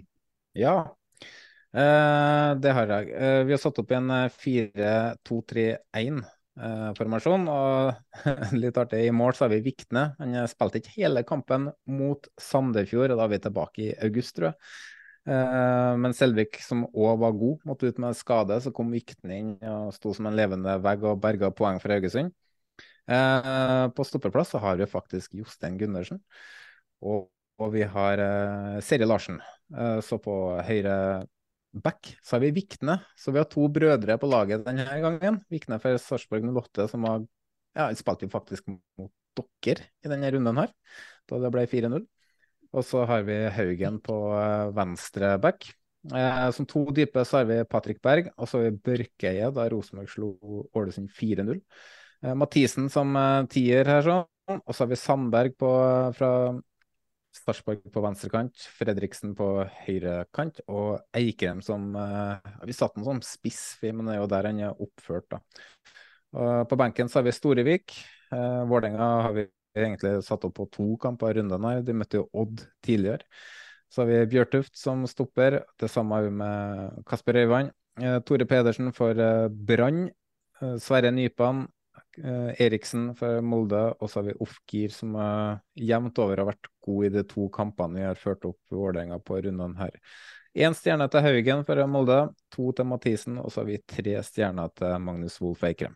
Det, jeg, jeg kjente at det, det er lenge siden kampene ble spilt. Jeg, en måte. Jeg selv har vært med og sett opp laget. så bare sånn, Jeg skjønner hvis lytterne blir litt forvirra.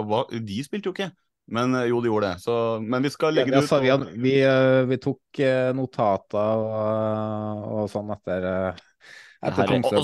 og, så- gjetta vi litt, sånn som vi alltid gjør. her, her, er jo, her er jo egentlig runde 20 og ikke runde 23, så Ja. bare for å sette det i kontekst. Ja. Så, og, og Vålerenga Vi fikk kan, to vi, kan kamper. jo og den spørre, vi kan jo spørre de, da. Var det riktig å plukke ut uh, Vikne og uh, Sandberg fra Sarpsborg i den kampen? Skal ta deg, Jostein. Ja, hvor er en Jakob Haugård, da? Ja, jeg slapp inn fire mål, da. Jeg var ikke i runden her nå? Ja, det her er den kampen dere var i Sarpsborg, for det her er runde 20, og så har vi lagt på noen kamper som er kommet på noen ettersleppkamper i tillegg. Jeg satt jo jeg satt jo og så den kampen på TV, så jeg syns det var det er fortjent med. De, de var klart best den kampen, så Ja, du, det gikk, du hadde jo karantene i den kampen, du. Og, Ja, det var festival her i Tromsø, så ja, ja, det var det. Planlagt karantene. For det er andre, rad. Det er andre året på rad ikke da, at du har karantene når den festivalen er? Ja, den er jævla bra. Den kommer å komme opp i neste år. Den uh, Tromsøs Neymar der, Ja, altså. det var jeg tenkte på. Tromsøs Neymar. Vært på bursdag til søstera si sju år på rad, liksom. Det er Forbilder. Nei, det er vel som alltid at uh, det er ikke alle som er enig i alt på laget, men formasjonen er i hvert fall noenlunde realistisk denne gang, for de som bryr seg om det. Men Frank, uh, du hadde vel eh, lyst til å Tida flyr jo fra, så vi må bare gønne på. Du hadde lyst til å se om det var mulig å få litt ut av hva som foregår i garderoben oppe i, oppe i Tromsø? Ja, vi har forberedt noen spørsmål. Skal vi se om vi får eh, guttene ut på glattisen. Jeg tenker vi, Det er enkle spørsmål, så vi stiller bare. Så svarer han eh, Vegard først, og så svarer han Jostein etterpå. da. Eh, hvem lager mest liv i garderoben? Ja, Yao Paintsil. Eh, ja, og Painsel. Eh, hvem sitter mest på telefon? Den eh, Jeg tar den sjøl, jeg kommer ikke på noen, så jeg tar den. Jeg må si eh, Christophe Suquet. Klart han. Hvem er ivrigst eh, på Tinder? Det der har vi en finne, Mika Koskela. Han er blitt nylig singel, så eh, han, eh, der tror jeg Tinderen går varmt. Ja, det er nok han. Han må operere kneet også nå, så da har mye tid til eh, Tinder. Hvem har egentlig best drage, draget, da? Hvem som har best drage, da? Det, det er jo ganske mange med kjæreste på laget, men eh, jeg tror eh, Mika skal få den hånda, faktisk. Men det gjenspeiler at han prøver, da. Så Han har fokus på prestasjon og ikke, ikke resultat. yes. Han, drar, han drar opp telefonen hver gang dere lander med flyen på en ny plass, han, ja, og sjekker ut. Ja, han har vært der i uke før han vant inn i rullet, så Jeg må gi min til Niklas Vesterlund. Han er det er mange som snur seg etter han når vi er på flyplassene, så det blir til han. Hvem, hvem er det som tror de har best draget, da? eh, der kan jeg svare Niklas, faktisk. Ja, det er jo for så vidt Niklas, det òg. Eh, hvem er den dårligste taperen? Ruben han eh, skal kverulere på det som er, så eh, han får den. Jeg har lyst til å si noe annet, men det er jo Ruben. Det er soleklart Ruben. Hvem bruker mest tid foran speilet? Den diskuterte vi faktisk tidligere i dag, så vi var litt usikre. Men eh, jeg går for Anders Jensen. Der, eh, der ligger hårstråene fint eh, dandert til enhver tid. Ja, han og Niklas Vesterlund er veldig opptatt av håret, så vi får dele på den. Hvem har dårligst klesstil?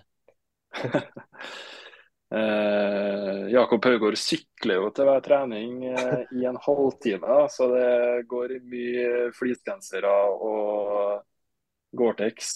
Så- Det er ikke sykkelshorts og sånn, eller? Nei, det er sånn Bjørn Dæhlie turbukse og eh, en norrøna turjakke og en varm fleecegenser, så ja, han skal få den. Jeg må gi min til eh, Jakob Romsås.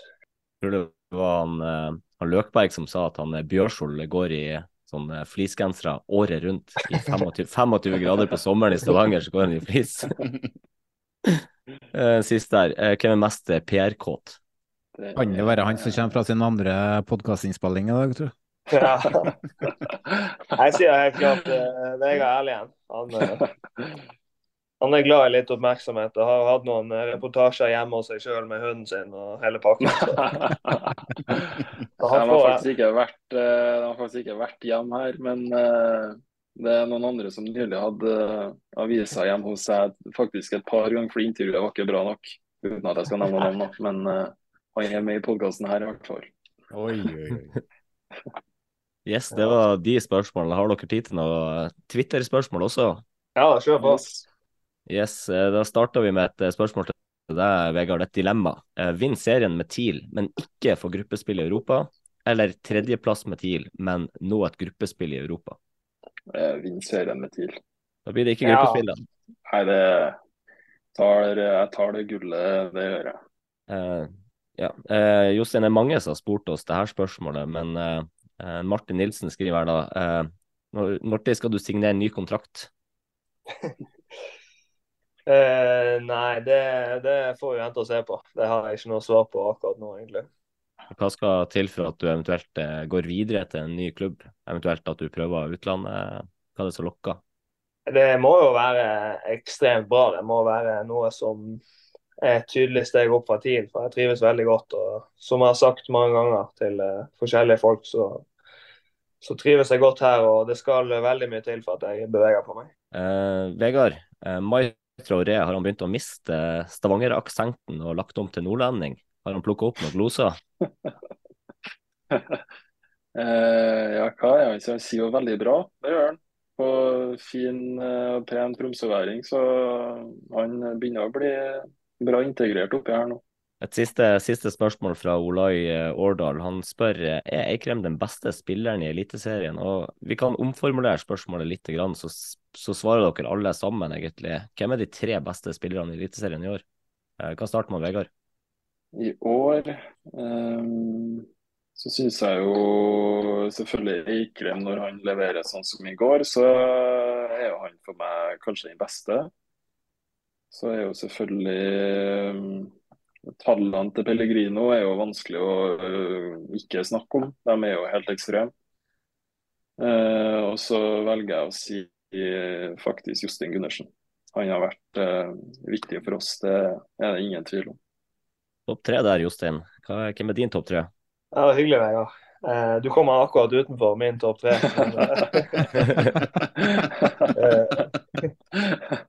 så, nei, eh, det blir eh, faktisk eh, Bård Finne, Pellegrino og Eikrem. Jonas, har du tre du har leta opp? Ja, eh, jeg har en klink nummer én, og det er Albert Grønbæk. Eh, ikke, han har knapt gjort en dårlig kamp og har alltid vært blant de to-tre beste i hver kamp han har spilt, så å si. Eh, så er det Pellegrino og Jostein Gundersen. Når er det, kommer du med fasit? Ja, Det som er kjedelig, er at uh, Jonas uh, sniktitta på lista mi rett før uh, innspill. Nei, han gjorde ikke det, men uh, jeg, eh, jeg skulle også trekke fram Grønbekk. Eh, og eh, Pellegrino er vanskelig å komme utenom, selv om jeg syns han kanskje har hatt noen kamper hvor han eh, eh, blir litt borte og litt sånn eh, eh, Kanskje ikke helt minner om den fantastiske fotballspilleren han er til tider. Eh, og så syns jeg det også er vanskelig å komme utenom eh, toppnivået til eh, Magnus Wolff Eikrem. Men eh, der har det jo litt med eh, Han må jo holde seg skadefri og tåle å spille kampen nå. Men jeg, hvis jeg skulle plukka litt sånn rent på kanskje toppnivå, eh, så blir det de tre gutta. Ja, var- jeg har vi lyst til å spørre deg, Frank. Skal, jeg- ja, Hva er din topp tre? Uh, Ta topp tre uten Bodø-Glimt-spillere, da. Ja. Ok. Uh, Slatko Tripic, Jostein Gundersen og uh, si Bård Finne, da. Og der har du, Vi, vi klinka inn en uh, topp tre-spalte helt på tampen, vi, på, på improen. Den er fin. Snakk om, snakk om å smiske med gjesten, herregud. herregud. Så Én av gjestene, da. Det var jo en som ikke Men eh, Det hadde, var vært for, på det hadde vært litt for åpenbart hvis vi hadde tatt deg og Vegard. Vi måtte Ja. velge. her. Ja, det hadde, Vi- vi- vi ja, hadde jo det. Vi hadde jo et årets lag her. Vi diskuterte årets lag til nå. Vi diskuterte for eh, noen uker siden. Da var jo han Vegard blant eh, fem-seks eh, spisser vi diskuterte. Da. Så han er jo i vannskorpa for å kunne Så bare å fortsette å levere nå. Ja, vi hadde fem, fire, fire eller fem spissalternativer. Da var han en av de. Ja, det er fortjent. Takk, Jostein.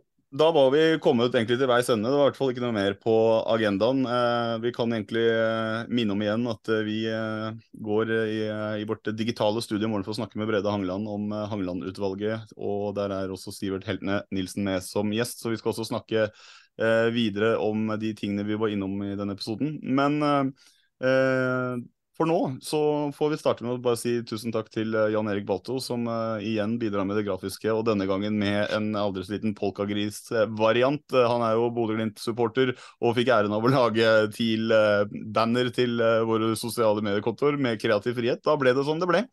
Eh, som alltid, takk til Jesper Horten Kjernes og Vestfold Lydstudio for eh, musikken vi bruker, eh, intro og jingler og det som er.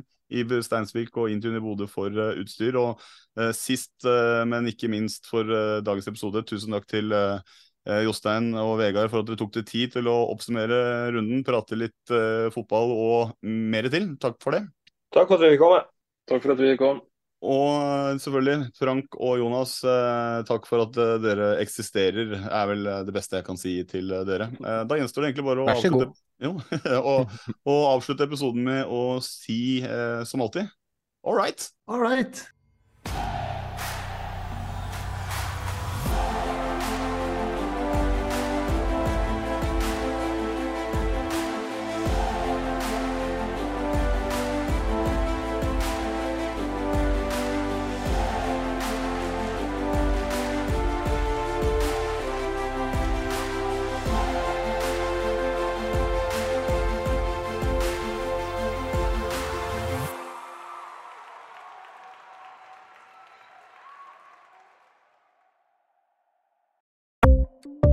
Ukens annonsør er HelloFresh. HelloFresh er verdens ledende matkasseleverandør og kan være redningen i en travel hverdag. Mange av oss har nok vandret i butikken både sultne og uten en plan for middagen, som ender med at vi går for de samme kjedelige rettene gang på gang. Middag burde være dagens høydepunkt. Som HelloFresh kan du nå velge mellom 25 ulike retter hver eneste uke, eller få HelloFresh til å sette sammen menyen for deg. Dette gir deg muligheten til å prøve nye og spennende retter alene eller sammen med familien. Du velger antall porsjoner og får alt levert på døren på et tidspunkt som passer for deg. Oppskriftene er enkle, og maten er lett å lage både for store og for små. Ved å få alt levert hjem får du også mer tid til å dele matgleden med familie og venner. Kanskje det frister med asiatiske tacos eller greskinspirert kylling? Da kan jeg anbefale deg om å gå inn på hellofresh.no. Her kan du bruke koden FOTBALL og få opptil 1779 kroner i rabatt på de første fem matkastene hvis du ikke har prøvd HelloFresh tidligere. Du kan også bruke rabatten hvis du har vært kunde og stoppet abonnementet ditt for tolv måneder siden eller lengre. Gå inn på hellofresh.no og bruk koden FOTBALL. Ukens annonsør er Folio, en smartere banktjeneste for deg som har en egen bedrift eller ønsker å starte for deg selv. Folio er en superenkel nettbank for bedrifter. Som kunde i Folio får du en bedriftskonto med et bedriftskort og app. I denne appen er det smarte løsninger som forenkler regnskapet ditt, uansett om du har en liten bedrift eller et enkeltpersonsforetak. Folio er både intuitivt og brukervennlig, og er laget med et enkelt språk. I tillegg tilbyr de forutsigbare priser og ingen skjulte gebyrer. Skulle du likevel trenge det, så kan du snakke med deres raske og hyggelige kundeservice, og der får du prate med en faktisk person og ikke en chatbot. Folio er med andre ord både enklere og koseligere enn banken. Over 10 000 bedrifter har allerede valgt Folio som sin banktjeneste, så besøk folio.no og se hvordan Folio kan forenkle din hverdag også. Har du et enkeltpersonforetak eller en liten bedrift? Da er du sikkert lei av å høre meg snakke om hvor enkelt er med kvitteringer og bilag i fiken, så vi gir oss her, vi. Fordi vi liker enkelt. Fiken superenkelt regnskap.